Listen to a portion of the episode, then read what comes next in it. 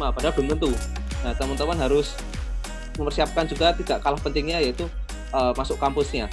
Beberapa negara memang relatif lebih mudah untuk diterima di kampusnya.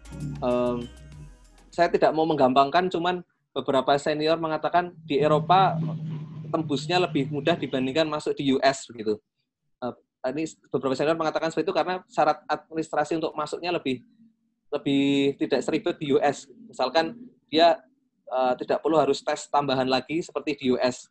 Bahkan ada yang bilang ketika masuk ke Eropa itu uh, tes dapat beasiswanya lebih susah dibandingkan untuk mendapatkan kampusnya. Sedangkan di US ada yang bilang lebih susah masuk kampus di US ketimbang dapat beasiswanya. Jadi tergantung negaranya. Makanya di LPDP kebanyakan kalau lihat data uh, yang masuk itu ke Inggris, ke Australia, kalau luar negeri lebih banyak dibandingkan ke US gitu. Jadi ini sebuah fakta juga sih. Makanya uh, teman-teman tetap harus memikirkan diterima, soal diterima kampusnya. Jangan terjebak hanya mencari beasiswanya. Kalau teman-teman sudah diterima kampusnya, soal uang untuk mendanai itu bisa dicari dengan banyak hal kok. Nggak harus lewat LPDP juga gitu. Jadi banyak banget beasiswa yang lain yang bisa dipakai buat teman-teman dari pemerintah setempat, dari kampusnya sendiri itu juga banyak.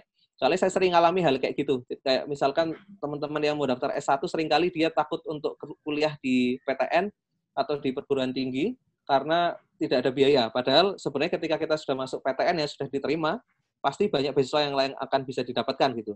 Dan banyak banget opsi pembiayaan untuk kuliahnya. Jadi sama dengan S2, sama dengan S3, jadi teman-teman fokus juga untuk mendapat kampusnya. Jangan teralihkan hanya untuk dapat beasiswa doang, kemudian tidak mempersiapkan untuk masuk kampusnya.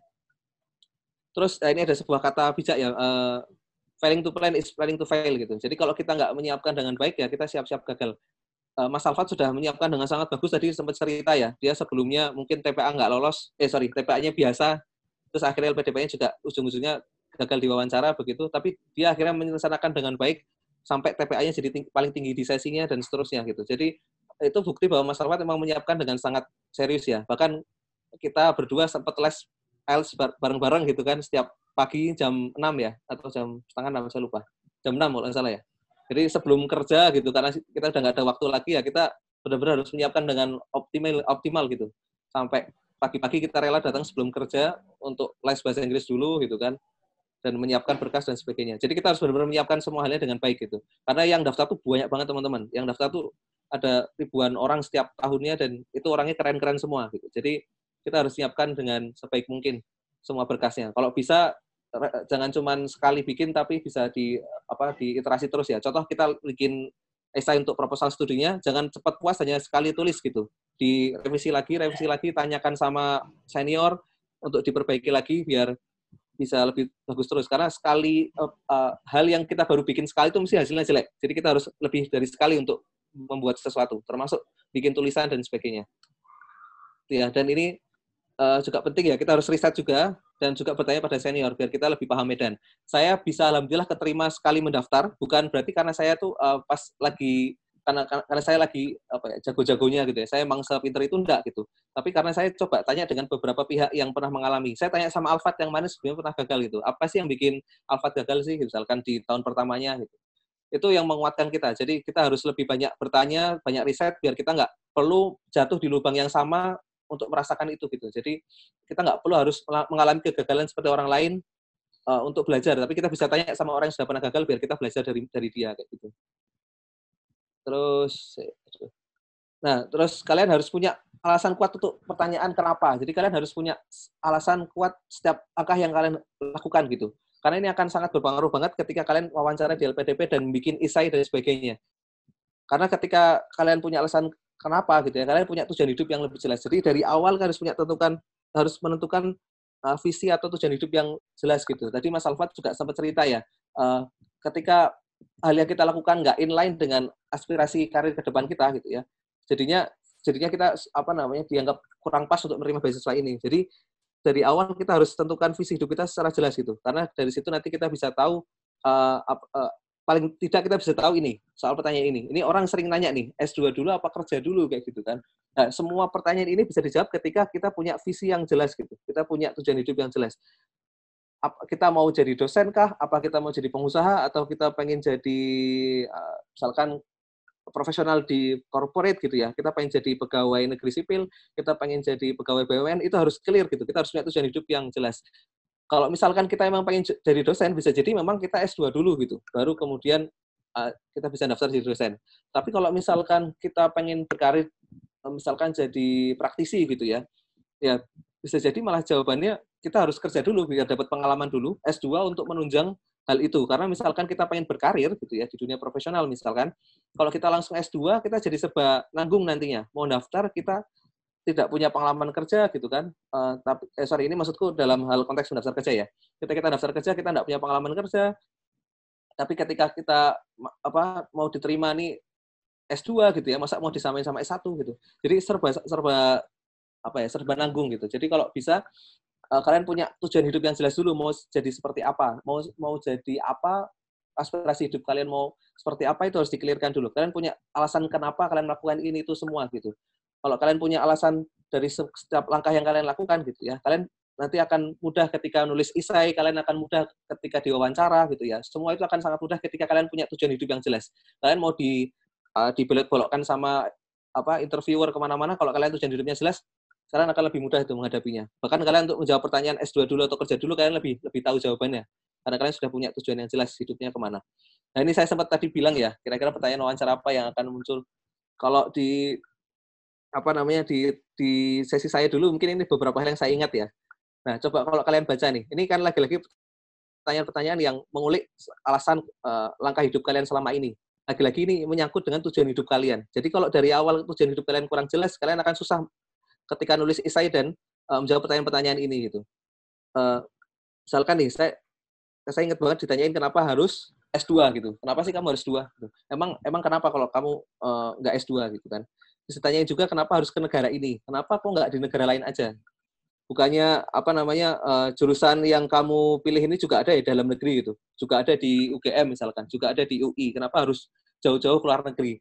Uh, negara harus mengeluarkan segitu banyak uang uh, dari uang rakyat misalkan gitu ya uh, untuk satu orang doang nih kenapa gitu apa alasannya saya ke, saya ketimbang ngasih uang sebanyak ini untuk satu orang doang yang mau keluar negeri saya bisa loh pakai uang sebanyak ini untuk beberapa orang di dalam negeri gitu untuk beberapa orang yang mau kuliah di dalam negeri. Jadi kalian harus punya alasan kuat kenapa kalian harus keluar negeri, kenapa di negara ini, bahkan kenapa harus di kampus itu gitu. Kenapa tidak di kampus lain? bahkan kan kita di rencana studi bahkan mungkin interviewernya akan searching di Google dulu itu sebelum wawancari kalian dia akan cek gitu oh ini matkul matkul yang ada di jurusan ini sebenarnya ada loh di, di misalkan di Indonesia gitu kenapa harus jauh-jauh ke sana gitu ini materi kayak gini bisa dipelajari di YouTube kan ini bisa didapat di apa misalkan beberapa platform belajar online kenapa kalian harus jauh-jauh belajar ke luar negeri itu kalian punya alasan kuatnya terus kalian ditanya juga biasanya apa yang membuat apa yang kalian mau lakukan gitu apa yang mau kalian perbuat setelah eh, S2 dan apa yang membuat kamu diterima dan uh, dan apa yang sudah kamu lakukan ini juga juga ditanyain. Memang kamu sudah ngapain aja sih? Apakah yang kamu lakukan sekarang relate dengan apa yang menjadi tujuan eh, studimu? Apakah tujuan studimu ini akan sesuai dan akan menunjang karirmu ke depan sesuai apa yang kamu lakukan sekarang. Jadi itu semua akan ditanyakan. Makanya tadi aku bilang di awal, kalian harus punya eh, jawaban dari setiap pertanyaan kenapa dan punya tujuan hidup yang jelas untuk ini gitu. Mas Alfan tadi sudah sempat cerita, dia punya portofolio sebagai orang yang uh, ber, uh, apa ya berkarir di dunia riset gitu ya di dunia uh, sosial politik itu semua kan inline dengan apa yang dia inginkan untuk S2 dan ketika dia S2 dan pulang dia sudah punya tujuan mau ngapain untuk dan itu itu yang jadi hal yang penting yang kalian harus sejak awal sebelum daftar LPDP harus clearkan di situ. Tadi saya sempat sekilas lihat uh, pertanyaan di chat ya ada yang nanya apa yang harus dilakukan untuk mahasiswa yang tahun pertama atau masih kuliah gitu ya. Kalian harus clearkan ini gitu ini yang kalian harus clearkan tujuan hidup kalian alasan-alasan kalian dari setiap langkah kalian harus kelihatan dari awal. Kalau misalkan aku pengen jadi pengusaha, maka aku sejak di kampus ya berarti aku ikutnya uh, komunitas wirausaha, aku harus mulai berbisnis gitu kan. Kalau kalian pengen menjadi seorang politikus misalkan, ya kalian berarti harus ikut apa lembaga-lembaga yang memang arah situ misalkan. Atau kalian pengen berkarir di dunia konsultan, ya berarti kalian harus ikut apa misalkan lomba bisnis case atau misalkan ikut organisasi yang arah situ UKM-UKM yang ke arah situ. Jadi semua itu inline dengan itu. Aktivitasmu, karya-karyamu itu inline dengan apa yang menjadi tujuan hidupmu. Itu akan menguatkan sekali ketika di uh, wawancara atau di pendaftaran LPDP gitu. Jadi itu kuatkan sejak awal. Kayak gitu. Terus, nah kalau soal kebangsaan ini saya kayaknya uh, kapan-kapan aja kayaknya. ada beberapa hal yang mungkin aku cukup sensitif ya. Tapi intinya soal kebangsaan ini kalian harus punya nasionalisme yang tinggi gitu ya, punya visi hidup untuk negeri ini yang kuat gitu kan. Dan kalian harus bersikap moderat dengan berbagai hal yang ada di Indonesia. Itu tipsnya sih kalau dari saya. Kayak gitu. Terus um, Oh ya, uh, maka kalian harus bikin portofolio sejak sekarang ya untuk mencapai visi hidupmu. Harus relate ya, harus inline dengan apa yang menjadi visi hidupmu dari sekarang. Kalian nggak harus menunggu lulus kuliah untuk menyiapkan ini dari sekarang. Dari di kampus, aktivitas kalian, karya-karya kalian itu harus dimulai dibikin dari sekarang. Itu akan jadi portofoliomu untuk menunjang uh, kamu entah itu apa daftar beasiswa atau bahkan untuk karirmu ke depan sebagai misalkan profesional dan sebagainya. Itu akan sangat berpengaruh. CV-mu itu akan terlihat bagus ketika sejak awal kamu sudah punya tujuan hidup yang jelas dan melangkah sesuai dengan tujuan hidupmu. Ya gitu ya dan itu memang tidak bisa instan bambang. Jadi semua itu proses. Nggak bisa ujuk-ujuk. Mas Alfat membangun portofolio dan membangun diri untuk bisa diterima di LPDP enggak kemudian baru disiapkan setelah lulus kampus enggak dari awal dia kuliah dia sudah punya arah-arah hidup yang sudah ke situ saya sudah tahu mimpinya Alfat sejak lama karena saya dulu pernah uh, satu kamar dengan Alfat saya tahu gitu Alfat ke situ arah hidupnya gitu pengen jadi apa gitu. nah dia menunjukkan itu uh, karya-karya dia kemudian aktivitas dia ke sana makanya ketika dia daftar LPDP dia sudah punya portofolio yang cukup kuat untuk kemudian bisa diterima dan punya alasan yang kuat kenapa saya harus studi ini gitu. Saya harus melanjut ke dan selain uh, dan membangun karir itu juga tidak hanya butuh kapasitas ya teman-teman tapi juga butuh network. Jadi selain kapasitas diri teman-teman juga harus uh, harus membangun network dan network itu dibangun dari trust dan trust itu uh, dibangun dari apa pun yang kita lakukan. Jadi kalau kita nggak punya network ya kita mulai dari setiap kali kita dapat amanah kita harus optim apa ya menjaga amanah itu karena di situlah nanti uh, impresi terhadap kita akan terbangun. Orang-orang akan melihat kita seperti apa dari apa pun yang kita lakukan dan dari apa pun yang kita uh, apa yang kita dapatkan amanahnya gitu ya. Jadi ketika itu terjadi network kita akan semakin luas karena banyak opportunity yang kita dapat untuk menunjang karir kita justru dari network kita bukan hanya kapasitas diri. Saya dapat pekerjaan sekarang juga nggak lepas dari network Mas Alfat juga sama, nggak lepas dari network yang Mas Alfat ada gitu. Jadi kita harus bangun network dari sekarang untuk membangun portofolio kita ya saya pun bukan orang yang pintar dari dulu teman-teman saya IPK-nya cuma 3,0 sebelum sidang skripsi itu bahkan hampir nggak tiga saya lulus di kondisi teman-teman yang lain sudah banyak banget yang lulus. Bahkan rekor lulusan ter apa ya lulusan tepat waktu terbanyak sepanjang sejarah di jurusan saya. Saya dulu teknik industri UGM banyak banget yang lulus tepat waktu gitu ya dan IP-nya rata-rata tinggi-tinggi sekali. Saya lulus harus sampai lima setengah tahun. Dan IPK saya hampir nggak tiga. Tapi tapi di sisi itu di eh, sisi lain saya membangun portofolio yang lain gitu. Saya membuat karya dan sebagainya dan itu akhirnya yang menguatkan saya untuk bisa diterima. Jadi siapa pun tetap bisa. Mau teman-teman kurang bagus secara akademiknya, mau teman-teman mungkin punya background yang kurang kuat, nggak masalah. Buktinya saya dengan background seperti ini saya bisa diterima. Jadi teman-teman saya yakin bisa banget untuk diterima. Dan kita nggak perlu khawatir karena kita nggak sedang balapan teman-teman gitu ya.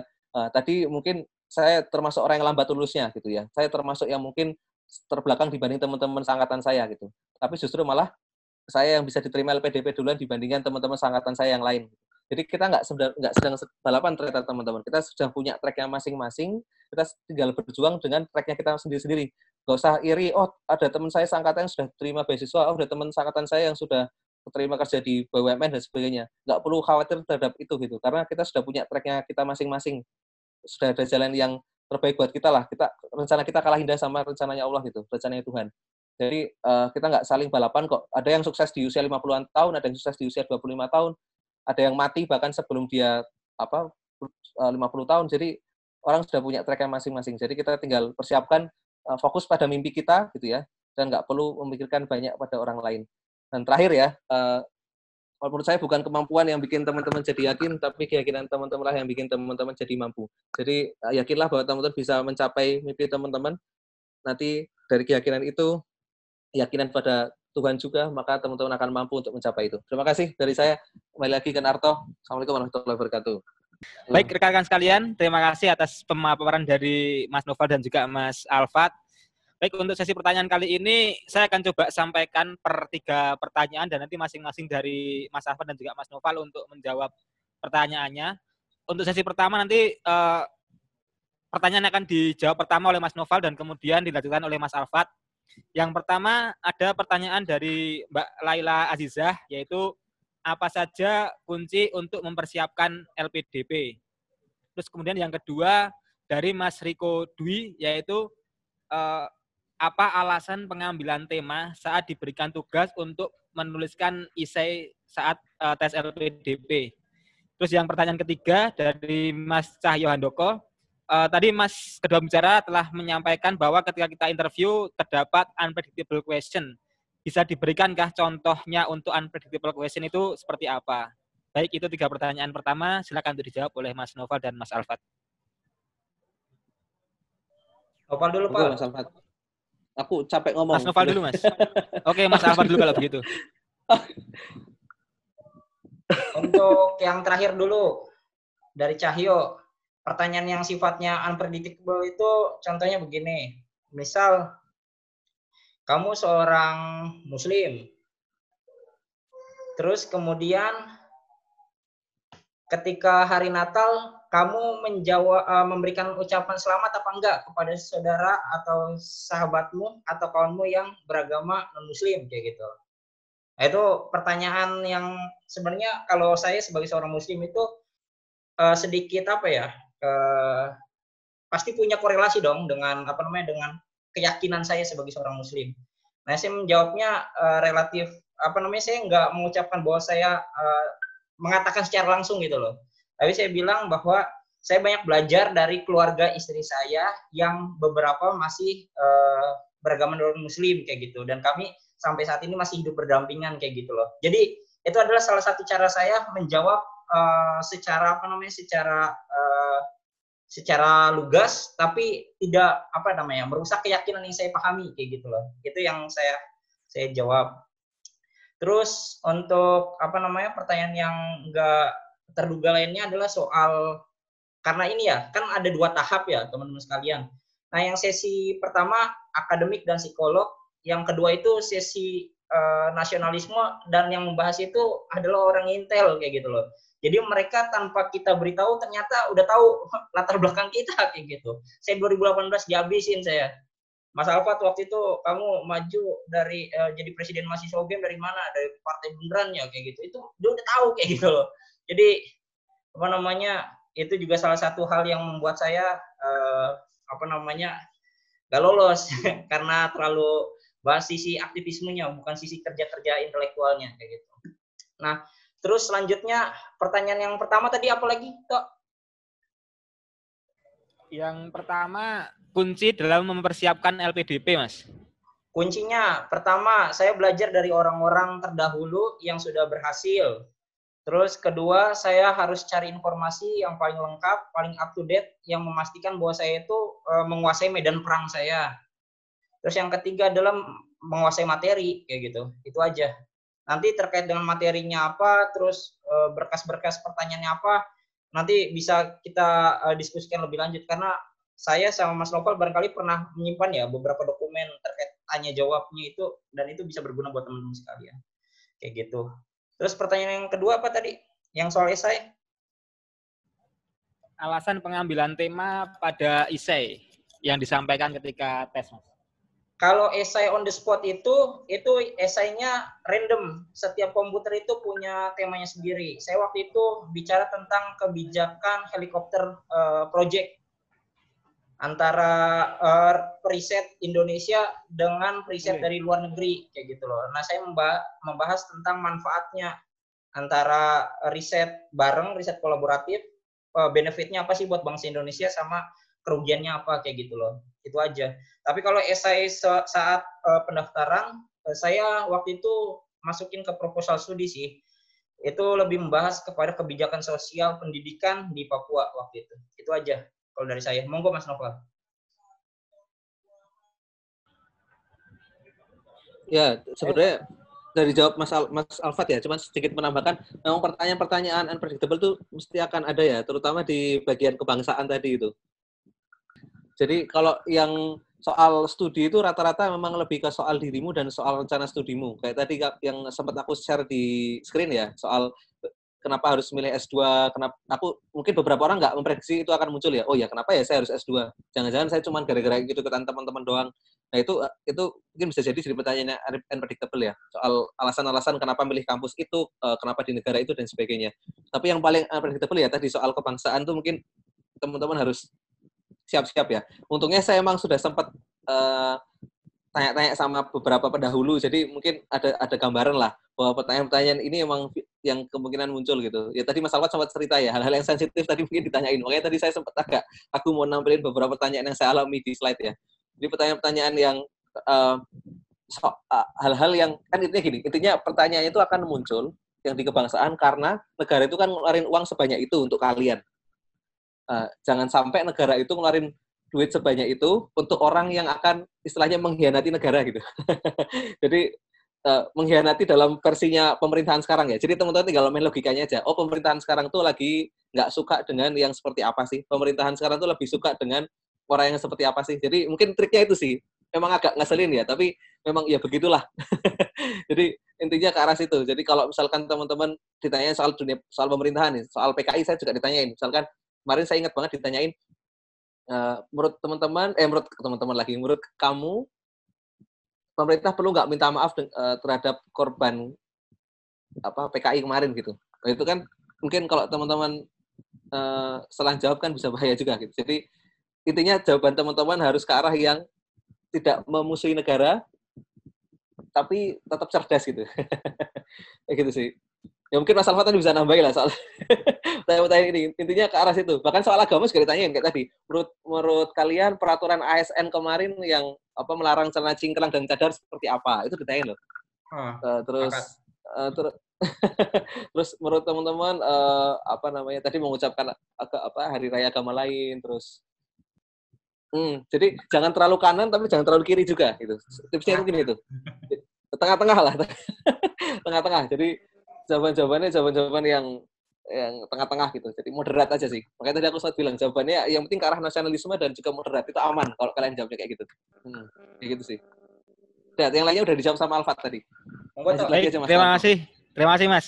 Oke, kita lanjut ke pertanyaan nomor 4, 5 dan nomor 6.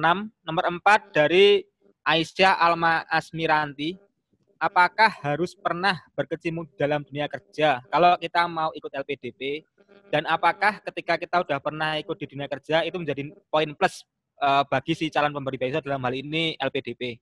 Kemudian yang nomor lima dari Alfiah Amaliyah, apakah sertifikat organisasi, sertifikat kepanitiaan dan juga sertifikat prestasi itu akan menjadi poin plus dan apakah sertifikat yang lain juga akan menjadi poin plus? Terus kemudian yang nomor enam ini terkait dengan jurnal dan penelitian dari Mbak Dwi Asih, apakah ada minimal jurnal atau penelitian yang pernah kita publish agar bisa lolos uh, beasiswa LPDP ini? Baik, silakan kepada Mas Alfat dan Mas Noval untuk dijawab pertanyaan tiga pertanyaan tadi. Ya, untuk Aisyah soal kerja ya sangat menunjang ya. Kalau saya melihat ada beberapa kasus memang kawan-kawan yang fresh graduate bisa langsung lolos. Tapi secara mayoritas kawan-kawan yang lolos LPDP adalah mereka yang sudah memiliki background pengalaman kerja, itu secara umum. Jadi eh, ketika kamu bekerja itu akan sangat eh, punya kemampuan yang lebih oke okay dong. Kamu punya pengalaman, kamu punya eh, apa namanya tempat kerja kan biasanya ada yang cuti bekerja ya. Itu juga sangat menunjang ketika dia balik lagi ke institusi asal itu pasti nilai plus. Terus, waduh, Wacin datang. Terus kemudian selanjutnya soal sertifikat organisasi itu hanya menunjang sedikit saja uh, di bagian syarat administrasi, enggak enggak seutuhnya itu akan sangat membantu teman-teman. Jadi uh, sertifikat itu mulai sekarang coba orientasinya jangan sertifikat tapi menambah skill, menambah jejaring, menambah wawasan, menambah pengetahuan. Itu yang harus teman-teman kejar bukan sertifikat lagi. Terus kemudian soal jurnal, teman-teman sekalian, Sebenarnya untuk uh, eh, LPDP nggak mensyaratkan uh, jurnal, tapi memang ada kolom. Kamu misalnya punya uh, jurnal, punya penelitian, punya pengalaman uh, kegiatan sosial, punya proses pembuatan buku artikel itu ada kolom yang disediakan.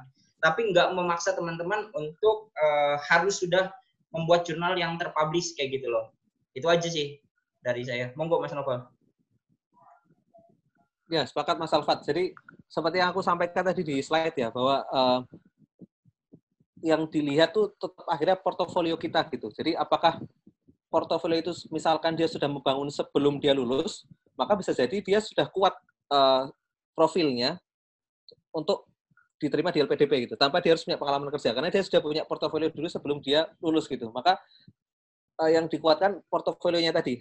Kalau dalam konteksnya Alfat berarti dalam dunia pekerja misalkan gitu. Jadi kan kerja itu kan menjadi sebuah portofolio dia gitu. Oh dia sudah punya karya di dunia kerjanya yang inline juga dengan apa yang jadi tujuan studinya dan tujuan apa masa depannya dia gitu. Jadi itu yang dikuatkan uh, sama teman-teman. Dari kuliah makanya dari dari sekarang seperti yang aku tadi bilang semenjak sekarang teman-teman kuatkan di situ. Aktivitas teman-teman karya-karya teman-teman uh, mulai diarahkan sesuai dengan tujuan hidup teman-teman dan kuatkan di situ biar teman-teman punya portofolio yang kuat di sana. Misalkan lebih kuat dengan jurnal ya bikinlah jurnal dari sekarang misalkan misalkan teman-teman perlu magang gitu ya biar bisa dijadikan sebagai pengalaman kerja ya maganglah dari sekarang sejak di kampus misalkan sering-sering magang biar dapat pengalaman kerja dan dapat portofolio apa pekerjaan ya itu lakukanlah gitu ya ataupun ikut lomba atau bikin startup lah, bikin gerakan sosial lah, itu akan menguatkan banget. Teman saya ada kemarin yang satu PK, satu apa angkatan PK, dan dia fresh graduate. Pas saya coba ulik profilnya dia, ternyata dia memang sudah punya satu karya yang dia bangun sejak mahasiswa. Dia punya sebuah gerakan yang bagus banget uh, soal di dunia pertanian gitu ya. Itu udah udah cukup lama dia bangun dan itu sudah berdampak gitu. Makanya dia ketika barusan lulus pun dia sudah bisa punya profil yang kuat untuk bisa diterima. Jadi saya pikir itu sih kalau teman-teman merasa, merasa ketika lulus belum punya portofolio yang cukup kuat maka ya bisa mencari itu dulu lah bisa bekerja dulu lah bisa apa lakukan apa ya uh, bikin riset atau bikin jurnal dan sebagainya karena nanti akhirnya juga di kolomnya apa LPDP itu lengkap banget ya Mas Alfat ya jadi apa uh, yang kita input tuh banyak banget kan saya, saya masih ingat itu ada kolom-kolom prestasi, kolom karya dan sebagainya itu lengkap banget. Bahkan teman dekat siapa gitu ya, saya cantum Alfat di situ gitu. Terus apa uh, tokoh favorit siapa itu itu detail banget loh sampai orang tua ikut organisasi apa aliran itu semua aliran kepercayaan itu semua ditulis di situ di LPDP-nya itu. Lengkap banget. Jadi kita tuh capek juga tuh nulis sebanyak itu. Dan itu ditanya lagi di wawancara gitu. Uh, jadi mencoba diarahkan gitu pernah ikut apa. Nah kalau organisasi dan segala hal teman-teman relate dengan apa namanya uh, aspirasi karir teman-teman itu menguatkan sekali. Misalkan teman-teman pengen jadi pengusaha tapi ikutnya organisasinya yang tidak ada hubungan dengan wirausaha itu jadi susah. Nah jadi teman-teman mulai pilih-pilih mana yang lebih pas terus dimasukkan nanti ke portofolio teman-teman. Kayak gitu sih jadi yang lainnya tadi sudah dibahas sama Mas Alfat lanjut Mas Narto baik terima Ocin, kasih Mas ngomong, Noval, Mas Alfat Mas Alfat itu boleh dikenalin yang kecil-kecil itu siapanya Mas Alfat yang kecil-kecil ini Ocin namanya Halo. Halo, ada iklan sedikit ya dari Ocin. Ini uh, anak pertama Mas Alfat. Baik, kita lanjut lagi ke pertanyaan nomor 7, 8, dan 9. Pertanyaan nomor 7 uh, eh, dari Mas Riko Dwi, yaitu bagaimana cara menjawab dengan model sandwich yang tadi Mas Alfat sampaikan. Contohnya seperti apa. Terus kemudian yang nomor 9, ini dari Mbak Kusuma Putri, terkait dengan sistem pemberian beasiswa itu apakah cair di awal sebelum kita berangkat atau kita sistemnya reimburse dulu. Jadi kita ibaratnya nalangi dulu baru nanti diganti seperti itu. Terus kemudian yang nomor 8 ini agak panjang karena bentuknya cerita dari Mas Abdul Ghafar Ismail yaitu saat ini sudah bekerja di suatu bidang usaha dan saat ini sudah mulai lost kontak dengan dosen di kampus. Saya lulus dengan IPK yang standar tanpa ada riwayat prestasi akademik dan publikasi ilmiah. Nah, apakah saran terbaik bagi saya uh, untuk membangun dari sekarang agar saya bisa mendapatkan LOE dan tembus beasiswa LPDP dan maupun beasiswa lain yang sejenis? Dan apakah ada saran, rekomendasi yang bisa saya kejar mengingat saya sudah mulai lost kontak dengan dosen di kampus seperti itu? Baik, itu tiga pertanyaan untuk sesi ketiga ini. Mungkin untuk sesi tiga ini bisa dimulai dari Mas Noval dan dilanjutkan oleh Mas Alfat. Kami persilahkan. Ya, mungkin aku jawab dari pertanyaan terakhir dulu ya. Jadi soal apa yang harus dilakukan. Pertama, surat rekomendasi itu juga nggak harus dari dosen kok teman-teman. Jadi teman-teman bisa dari orang yang apa ya, orang lain yang misalkan praktisi atau atasan teman-teman di dunia pekerjaan juga bisa atau pihak lain yang teman-teman anggap sebagai orang yang kenal teman-teman dan bisa memberikan rekomendasi gitu. Jadi nggak harus dari dosen. Meskipun saya kemarin ada satu dosen di antara tiga rekomendasi ya yang saya masukkan di LPDP. Dua yang lain lebih ke praktisi di bidang yang memang saya geluti yaitu di bidang startup lah ya. Satunya alu apa uh, orang konsultan McKinsey yang sekarang bikin startup, satunya memang orang startup dari lama. Jadi aku cari yang memang relate dengan apa yang jadi aspirasi karirku itu dan yang paham soal diriku.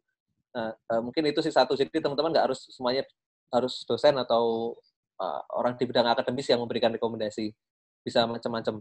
Terus uh, soal apa yang harus dilakukan lagi, jadi sebenarnya itu teman-teman nggak harus punya banyak prestasi kok. Teman-teman nggak harus punya IPK yang tinggi gitu. Itu kan IPK itu contohnya kan tadi hanya sebagai syarat administrasi ya, bahkan TOEFL IELTS juga hanya administrasi. Yang lebih ditonjolkan adalah teman-teman uh, apa ya melak sudah melakukan apa, terus pengen pengen melakukan apa ke depan dan kenapa harus S2 untuk mencapai itu dan diarahkan ke hal-hal yang yang apa ya berdampak buat Indonesia. Jadi jadi mereka tuh selalu mencari apa yang bisa berdampak buat Indonesia. Ini apakah orang ini akan memberikan kontribusi nggak nanti buat Indonesia gitu. Jadi teman-teman bikin yang ke arah situ dan itu semua bisa disangkut-sangkutkan kok. Misalkan teman-teman kemarin tuh ada teman saya yang dia hmm, apa ya? Oh dia kerja di Pertamina dia.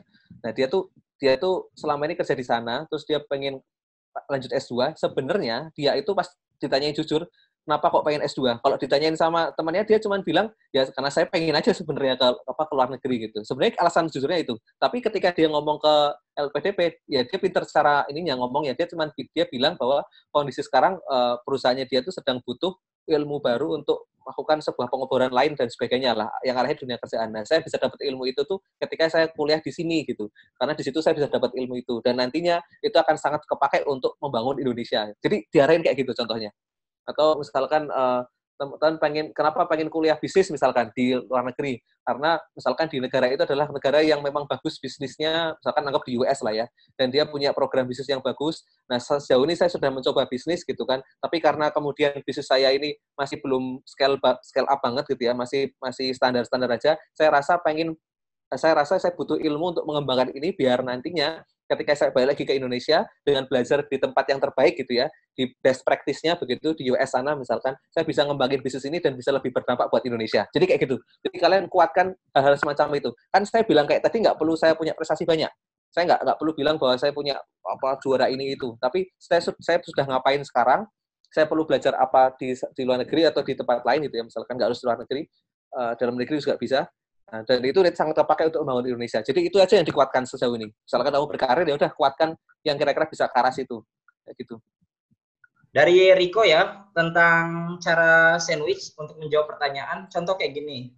Si reviewer bilang soal apa sih pendapat kamu tentang kebijakan uh, pembangunan infrastruktur yang dilakukan oleh pemerintah kayak gitu loh. Terus aku menjawabnya kayak gini bahwa kebijakan pembangunan infrastruktur ini sangat bagus untuk mengejar ketertinggalan. Bayangkan Pak, melalui kebijakan pembangunan infrastruktur ini, pemerintah telah membuka uh, apa ya keterisolasian baik secara internet maupun akses-akses vital untuk membangun pertumbuhan ekonomi kayak gitu loh. Sekarang di wilayah-wilayah terluar pembangunan infrastruktur jalan, terus kemudian jembatan, terus tol, terus waduk itu sangat uh, menolong eh, masyarakat-masyarakat uh, yang awal mulanya merasa terpinggirkan dan tidak menjadi Indonesia kayak gitu loh. Namun demikian, saya meyakini bahwa pembangunan infrastruktur ini harus dibersamai oleh pembangunan kualitas SDM. Nah, melalui LPDP inilah saya yakin bahwa Indonesia bisa uh, mewujudkan manusia Indonesia yang unggul di tahun 2030 karena LPDP memberikan kesempatan kepada putra-putri terbaik bangsa untuk ikut serta di dalamnya kayak gitu loh. Jadi ditutup lagi saya yakin bahwa 10 atau 20 tahun yang akan datang Indonesia akan berhasil mengejar ketertinggalannya dengan kemampuan uh, eh, SDM yang bagus ditunjang dengan pembangunan infrastruktur yang selama ini tidak menjadi konsen bagi pemerintah-pemerintahan sebelumnya kayak gitu loh. Bisa dipahami nggak? Jadi konteksnya itu saya memberikan awalan opening di mana saya sangat kagum dengan pembangunan infrastruktur yang membuka keterisolasian. Tapi tengah-tengah saya memberikan kritik bahwa pembangunan ini itu nggak bisa dilakukan hanya serta-merta soal infrastrukturnya. Kalau dibangun infrastrukturnya saja, siapa yang menikmati? Kalau misalnya orang-orang Indonesia sendiri itu nggak ada yang kemudian jadi tenaga kerjanya, nggak ada yang kemudian menikmati fasilitas yang disediakan, akses jalan tol siapa yang menikmati? Kalau misalnya bukan orang kaya yang punya mobil atau eh, perusahaan-perusahaan yang uh, bonafit yang uh, orang-orang kapital kayak gitu loh. Nah, dari situ kemudian saya berpikir uh, bahwa ini kritik pembangunan SDM itu penting. Nah, ditutup bahwa saya yakin dengan uh, pembangunan infrastruktur yang selama ini uh, mulai ter, terabaikan di presiden sebelumnya dan kemudian kondisi hari ini, maka saya yakin 10-20 tahun yang akan datang kita bisa mengejar ketertinggalan kayak gitu. Jadi ada kebaikan, terus kritik ditumpuk lagi oleh kebaikan uh, dari uh, apa namanya yang kita lihat dari apa yang dilakukan oleh pemerintah kayak gitu. Itu yang pertama. Nah, yang kedua dari Kusuma ada beberapa hal yang akan cair di saat bersamaan kita uh, berangkat. Ada sifatnya reimburse. Misalnya contoh biaya pembuatan visa itu uh, sifatnya di reimburse kayak gitu. Itu apa namanya? Buat yang afirmasi. Terus biaya pendaftaran ke rumah sakit juga itu uh, dibiayai tapi sifatnya reimburse kayak gitu. Itu aja. Monggo toh. Oke, baik. Terima kasih. Kita lanjut ke tiga pertanyaan berikutnya. Pertanyaan nomor 10 dari Mbak Ratna Kamila. Apakah bedanya beasiswa santri dengan beasiswa yang lainnya? Tadi untuk LPDP kan saatnya disebutkan ada beasiswa untuk santri ya. Itu bedanya seperti apa? Terus yang kedua dari Mbak Era, untuk pendaftaran LPDP itu maksimal berapa tahun setelah lulus dari sarjana maupun S2-nya? Itu apakah ada ketentuan atau seperti apa? Terus yang ketiga dari Mbak Aisyah Alma Asmiranti, apakah LPDP itu hanya bisa mendaftarkan dua kali saja? Apabila kita sudah pernah gagal dua kali, apakah masih punya kesempatan untuk mencoba lagi? Seperti itu. Silakan Mas Noval dan Mas Alfat untuk menjawab tiga pertanyaan singkat tadi. Kalau misalkan apa sebenarnya persyaratan semuanya itu ada lengkap di website teman-teman. Jadi syaratnya seperti apa, per beasiswa itu seperti apa itu lengkapnya ada di website. Teman-teman bisa searching sendiri di LPDP. Search Google aja LPDP mesti keluar. Misalkan syaratnya santri dan bedanya dengan beasiswa lain apa itu ada di situ. Biasanya nanti yang membedakan misalkan antara beasiswa TNI, beasiswa PNS, beasiswa santri itu biasanya di syaratnya yang membedakan nanti. Sama tujuan kampusnya juga beda biasanya. Uh, jadi mungkin kalau cek detailnya bisa langsung di websitenya aja tuh ada. Terus soal, wah gampang lupa ya. Kedua tadi soal berapa soal tahun tadi? maksimalnya? Oh, berapa, berapa tahun, tahun maksimal setelah lulus? Siap, siap. Setauku nggak ada batasan. Mungkin Mas Alfat bisa mengklarifikasi kalau punya info lain. Setauku nggak ada batasan. Yang jadi batasan adalah uh, usia, usia pendaftar. Itu ada apa batasannya. Misalkan untuk reguler itu, sebentar saya cek. Untuk reguler itu batasan maksimalnya untuk S2 adalah 35 tahun. Untuk doktoral atau S3 itu 40 tahun. Itu untuk yang reguler. Jadi lebih ke usia, nggak ada syarat untuk berapa lama setelah lulusnya. Kalau diafirmasi mungkin beda lagi juga nggak tahu sih, tapi setahu saya biasanya nggak beda jauh. Monggo Mas Alfat. Ya izin menjawab eh, soal santri itu biasanya untuk peningkatan kualitas guru ustadz di pesantren ya. Jadi ketika nanti dia lulus harus balik lagi ke pondok pesantren. Kayak gitu. Terus kemudian uh, terkait dengan usia pendaftar, range-nya itu tadi yang uh, buat master maksimal 35 tahun. Terus kemudian yang uh, doktoral 40 dan itu enggak apa ya namanya ya? Enggak bebas maksudnya setelah kamu lulus berapa tahun dari kampus. Nah, kalaupun yang tadi jalur bidik misi, dia itu punya syarat khusus bahwa dia itu bisa mengajukan lewat jalur itu ketika maksimal dua tahun dari kelulusannya. Jadi di bawah dua tahun, di atas dua tahun itu udah udah udah basi, udah nggak berlaku lagi gitu. Nah, terkait ketika nanti sudah lolos, teman-teman hanya diberi waktu sekitar 18 bulan dari uh, ditetapkan ketika lulus. Kalau misalnya teman-teman uh, belum dapat kampus atau belum bisa masuk langsung S2, maka teman-teman harus mendaftar ulang lagi dengan syarat teman-teman punya LOE. Nah, terkait dengan kesempatan, dulu memang ada pembatasan maksimal uh, dua kali. Kalau udah dua kali nggak lolos, berarti dia nggak bisa diterima di LPDP. Tapi sejak tahun lalu pembatasannya adalah kalau misalnya tahun ini sudah daftar, kan ada dua kali pembukaan. Tahun ini satu kali udah daftar sampai tahap wawancara, artinya uh, kamu uh, hanya boleh satu kali tahun ini. Tapi kalau belum lolos sampai level wawancara, artinya misalnya kamu gagal di seleksi administrasi atau gagal di seleksi tahap dua, kamu boleh lagi mendaftar di tahun yang sama. Nah, kalau yang uh, nggak lolos di wawancara, kamu harus nyoba lagi di tahun depan, boleh. Nggak ada kesempatan maksimal dua kali kayak gitu. Itu kebijakan yang sekarang. Monggo tuh, lanjut. Baik, kita lanjut ke pertanyaan berikutnya di nomor 13, 14, dan 15. pertanyaan ke-13 dari Mbak Bilkis yaitu bagaimana keterkaitan studi dengan tujuan ke depan? Itu contoh konkretnya seperti apa di tiap-tiap uh, bidang keilmuan seperti itu. Terus yang nomor 13 dari Mbak Erina dari Mbak Erina ini ada tiga pertanyaan. Pertanyaan yang pertama, apakah pertanyaan terkait dengan rencana menikah menjadi pertimbangan bagi para interviewer? Terus yang kedua, apakah proposal dan rencana studi berpengaruh banget pas di tes wawancara, Mas? Kalau iya, tipsnya gimana? Yang nomor tiga, saya punya, pernah punya pengalaman gagas gagal tes wawancara LPDP tahun lalu. Minta saya don ketika diberi pertanyaan, kok kamu bidik misi, tapi penampilannya nggak kayak anak bidik misi. Mungkin dua itu dulu mas, karena yang nomor dua pertanyaannya e, beranak ada tiga anak, jadi bisa langsung dijawab mas. Halo, Mas Alfat, Mas ya. Noval. Ya. Baik. Mas Alfat dulu. Soal rencana menikah, nggak ada yang masalah ya, nggak ada halangan. Itu dipersilakan, dikembalikan lagi. Saya jawab dari Erina dulu ya. Terus kemudian soal proposal dan rencana studi itu punya pengaruh signifikan karena itu akan banyak dibahas di wawancara, terutama wawancara yang tahap pertama. Yang bicara tentang uh, akademik dan juga psikolog psikologi ya, yaitu proposal rencana akan dibahas di sana.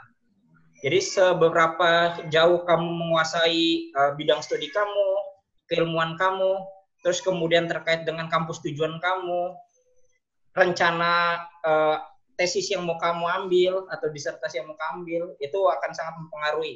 Jadi seberapa kamu bisa meyakinkan itu dilihat dari uh, apa ya keterpahaman kamu terhadap apa yang kamu tulis.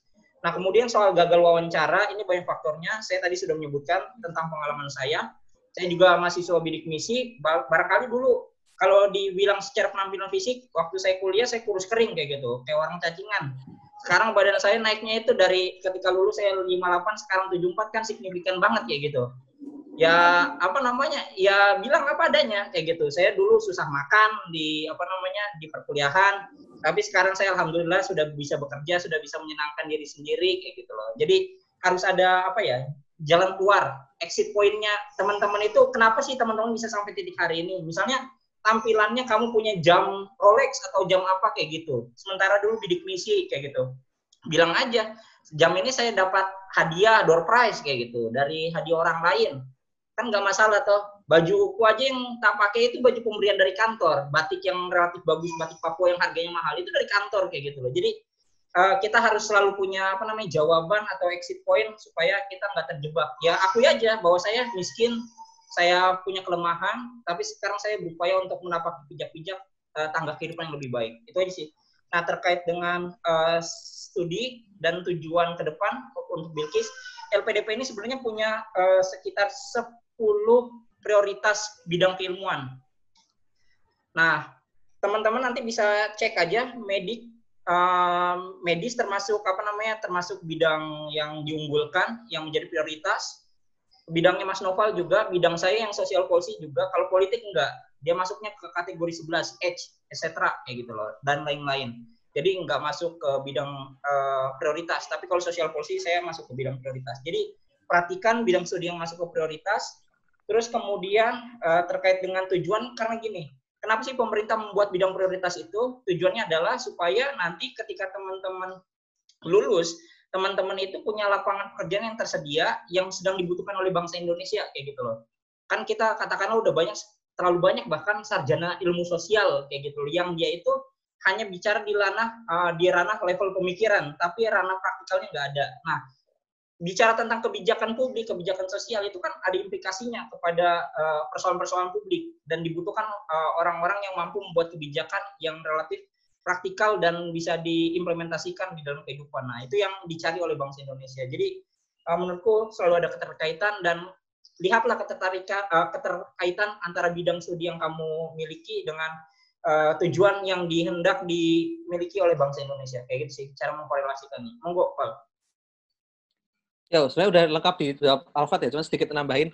Um, sering kali orang juga agak khawatir ketika S1-nya tuh nggak begitu nyambung dengan S2-nya. Misalkan dia pengen pivot ke apa bidang studi yang lain. Sebenarnya akhirnya kalian bisa menguatkan di sisi yang lain, misalkan dari apa portofolio kalian yang lain, misalkan dunia pekerjaan atau dunia atau mungkin karya-karya teman-teman yang lebih bisa diarahkan ke S2-nya tadi gitu. Jadi mungkin bisa ke situ. Jadi pada akhirnya uh, bidang studi teman-teman yang akan kalian ambil itu akan tetap sangat dilihat gitu ya dan apa yang akan menjadi dampaknya buat um, apa namanya ke depannya buat bangsa Indonesia dan juga karir teman-teman. Contoh misalkan saya meskipun S1-nya teknik industri ya, bukan di bisnis, tapi saya mau ambil S2-nya di bisnis, ya saya kuatkan adalah karena saya selama ini banyak berkecimpung di dunia bisnis begitu. Dan saya coba mengambil S2-nya juga bisnis yang ke arah teknologi. Jadi ya akhirnya bisa nyambung di situ dan ini juga akan bermanfaat sekali buat Indonesia ke depannya gitu kan ya aku kasih beberapa data dan sebagainya dan itulah akhirnya yang menguatkan saya bahkan meskipun IPK saya nggak begitu tinggi tetap bisa lolos gitu jadi mungkin uh, itu yang bisa teman-teman lakukan juga gitu sih. Lanjut lanjut. Baik kita lanjut ke pertanyaan berikutnya. Uh, ini dari Mas Gilang Rizky. Ada dua pertanyaan yaitu Mas duluan mana dapat LOA UNIF atau baru pilih universitas serta jurusannya saat tes. Terus yang kedua, apakah ada kemungkinan lolos LPDP tapi tidak ditempatkan di universitas tertentu enggak ya? Kalau iya, apakah LPDP itu ada masa kedaluarsanya uh, sampai dengan kita lolos di universitasnya? Terus yang nomor 16 dari uh, Nick Saya seorang karyawan BUMN, sekarang sedang menyelesaikan S2 program yang berkorelasi sesuai pekerjaan. Beasiswa dapat dari kantor. Tapi saya masih ingin bisa mendapatkan beasiswa S2 LPDP dalam ekonomi Islam. Bagaimana dengan kemungkinannya ya? Apakah masih terbuka peluangnya seperti itu? Terus yang ketiga dari Gozi ini mungkin mirip dengan pertanyaan dari Mbak Erina tadi.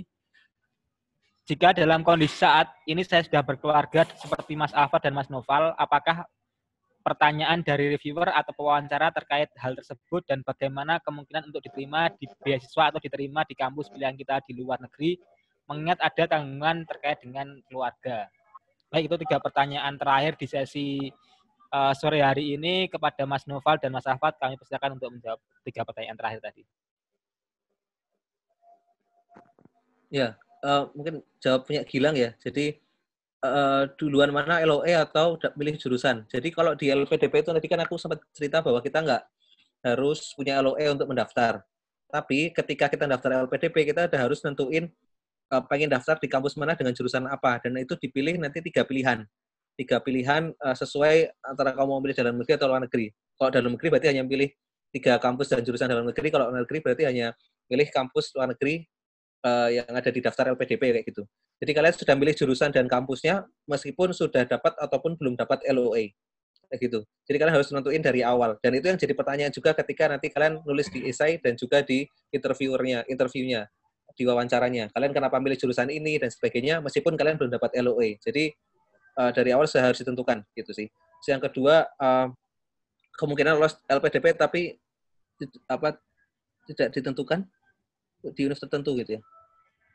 Oh, misalkan pindah jurusan gitu ya, atau pindah kampus ya. Kalau LPDP yang peraturan sekarang, kalau sebelumnya mungkin boleh ganti jurus, boleh ganti jurusan dan boleh ganti univ ya, setahu saya. Tapi tahun ini, mulai tahun saya dan Mas Alfat, kita hanya boleh memilih sesuai yang kita tuliskan ketika daftar. Misalkan tadi saya milih tiga, tiga kampus gitu ya, saya hanya bisa milih di tiga kampus dan tiga jurusan yang sudah saya pilih sejak awal. Saya nggak boleh ganti ke jurusan dan kampus lain, gitu sih. Dan kita dikasih waktu kalau misalkan belum dapat LOE ya, kita dikasih waktu satu setengah tahun ya. Mas Alfat mungkin bisa klarifikasi untuk dapetin kampusnya. Kayak gitu. Moga Mas Alfat. Apa lagi nih?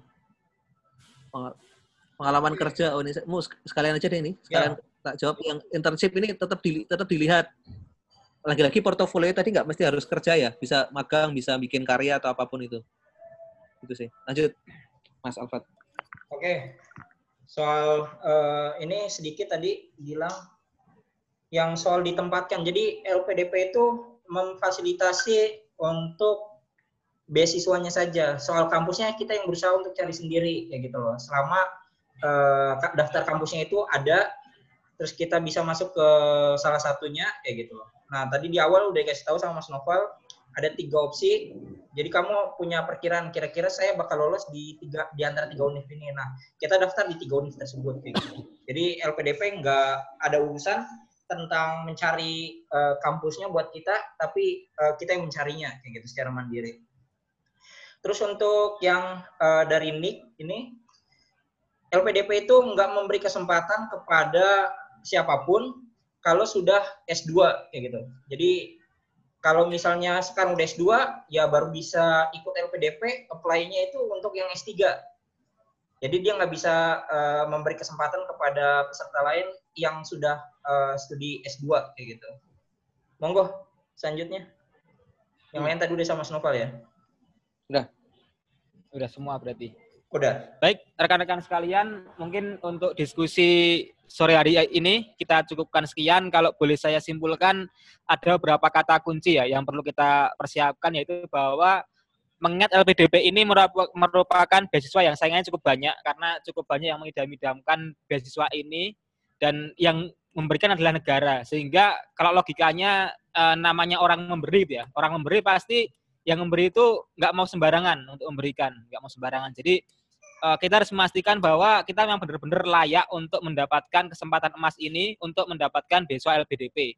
Kuncinya seperti apa? Kuncinya yaitu bahwa kita pertama memang memiliki kualitas atau kita meyakinkan bahwa ketika nanti kita diberi beasiswa itu kita akan memberikan timbal balik timbal balik karena dalam hal ini yang memberikan negara maka kita harus punya uh, apa namanya pandangan itu ke depan setelah kita dapat beasiswa ini kita mau ngapain? Terus kontribusinya buat negara itu seperti apa? Seperti itu. Jadi dan itu mempersiapkannya nggak bisa cuma sehari dua hari itu harus dipersiapkan panjang. Kalau misalnya teman-teman sekarang uh, saat ini baru semester awal kuliah S1 bisa mulai dipersiapkan dari sekarang. Atau bahkan kalau misalnya teman-teman masih eh, SMA karena kemarin dari list itu ada yang daftar masih SMA itu bisa dipersiapkan dari sekarang juga. Atau kalau teman-teman saat ini sudah lulus S1 dan dan kemudian saat ini bekerja atau atau sedang mencari kerja bisa dipersiapkan. Kira-kira ke depan saya mau ngapain dan life plan saya itu seperti apa. Dan itu menjadi kata kunci paling penting yang paling saya garis bawahi terkait dengan uh, strategi uh, penting untuk mendapatkan beasiswa ini. Dan yang berikutnya terkait beasiswa ini itu kan nggak ada kuota, nggak ada kuota, tetapi yang menjadi batasannya adalah terkait dengan kesempatan kalau kita udah pernah ikut sekali sampai dengan tes wawancara di tahun yang sama, kita udah nggak perlu daftar lagi. Kita baru bisa daftar lagi di tahun berikutnya. Nah, karena itu maka pesan dari saya dan juga kedua pembicara kalau bisa saya simpulkan bahwa kesempatan itu terbatas sehingga jangan sampai kita menyanyikan kesempatan itu caranya adalah dengan cara kita mempersiapkan dengan matang sebelum mengikuti atau sebelum uh, berjuang dalam mendapatkan beasiswa ini seperti itu dan tadi kalau boleh saya quote dari yang disampaikan oleh Mas Noval bahwa failing to plan is planning to fail atau kalau kita salah dalam mempersiapkan maka sama dengan kita mempersiapkan sebuah kesalahan atau sebuah kegagalan.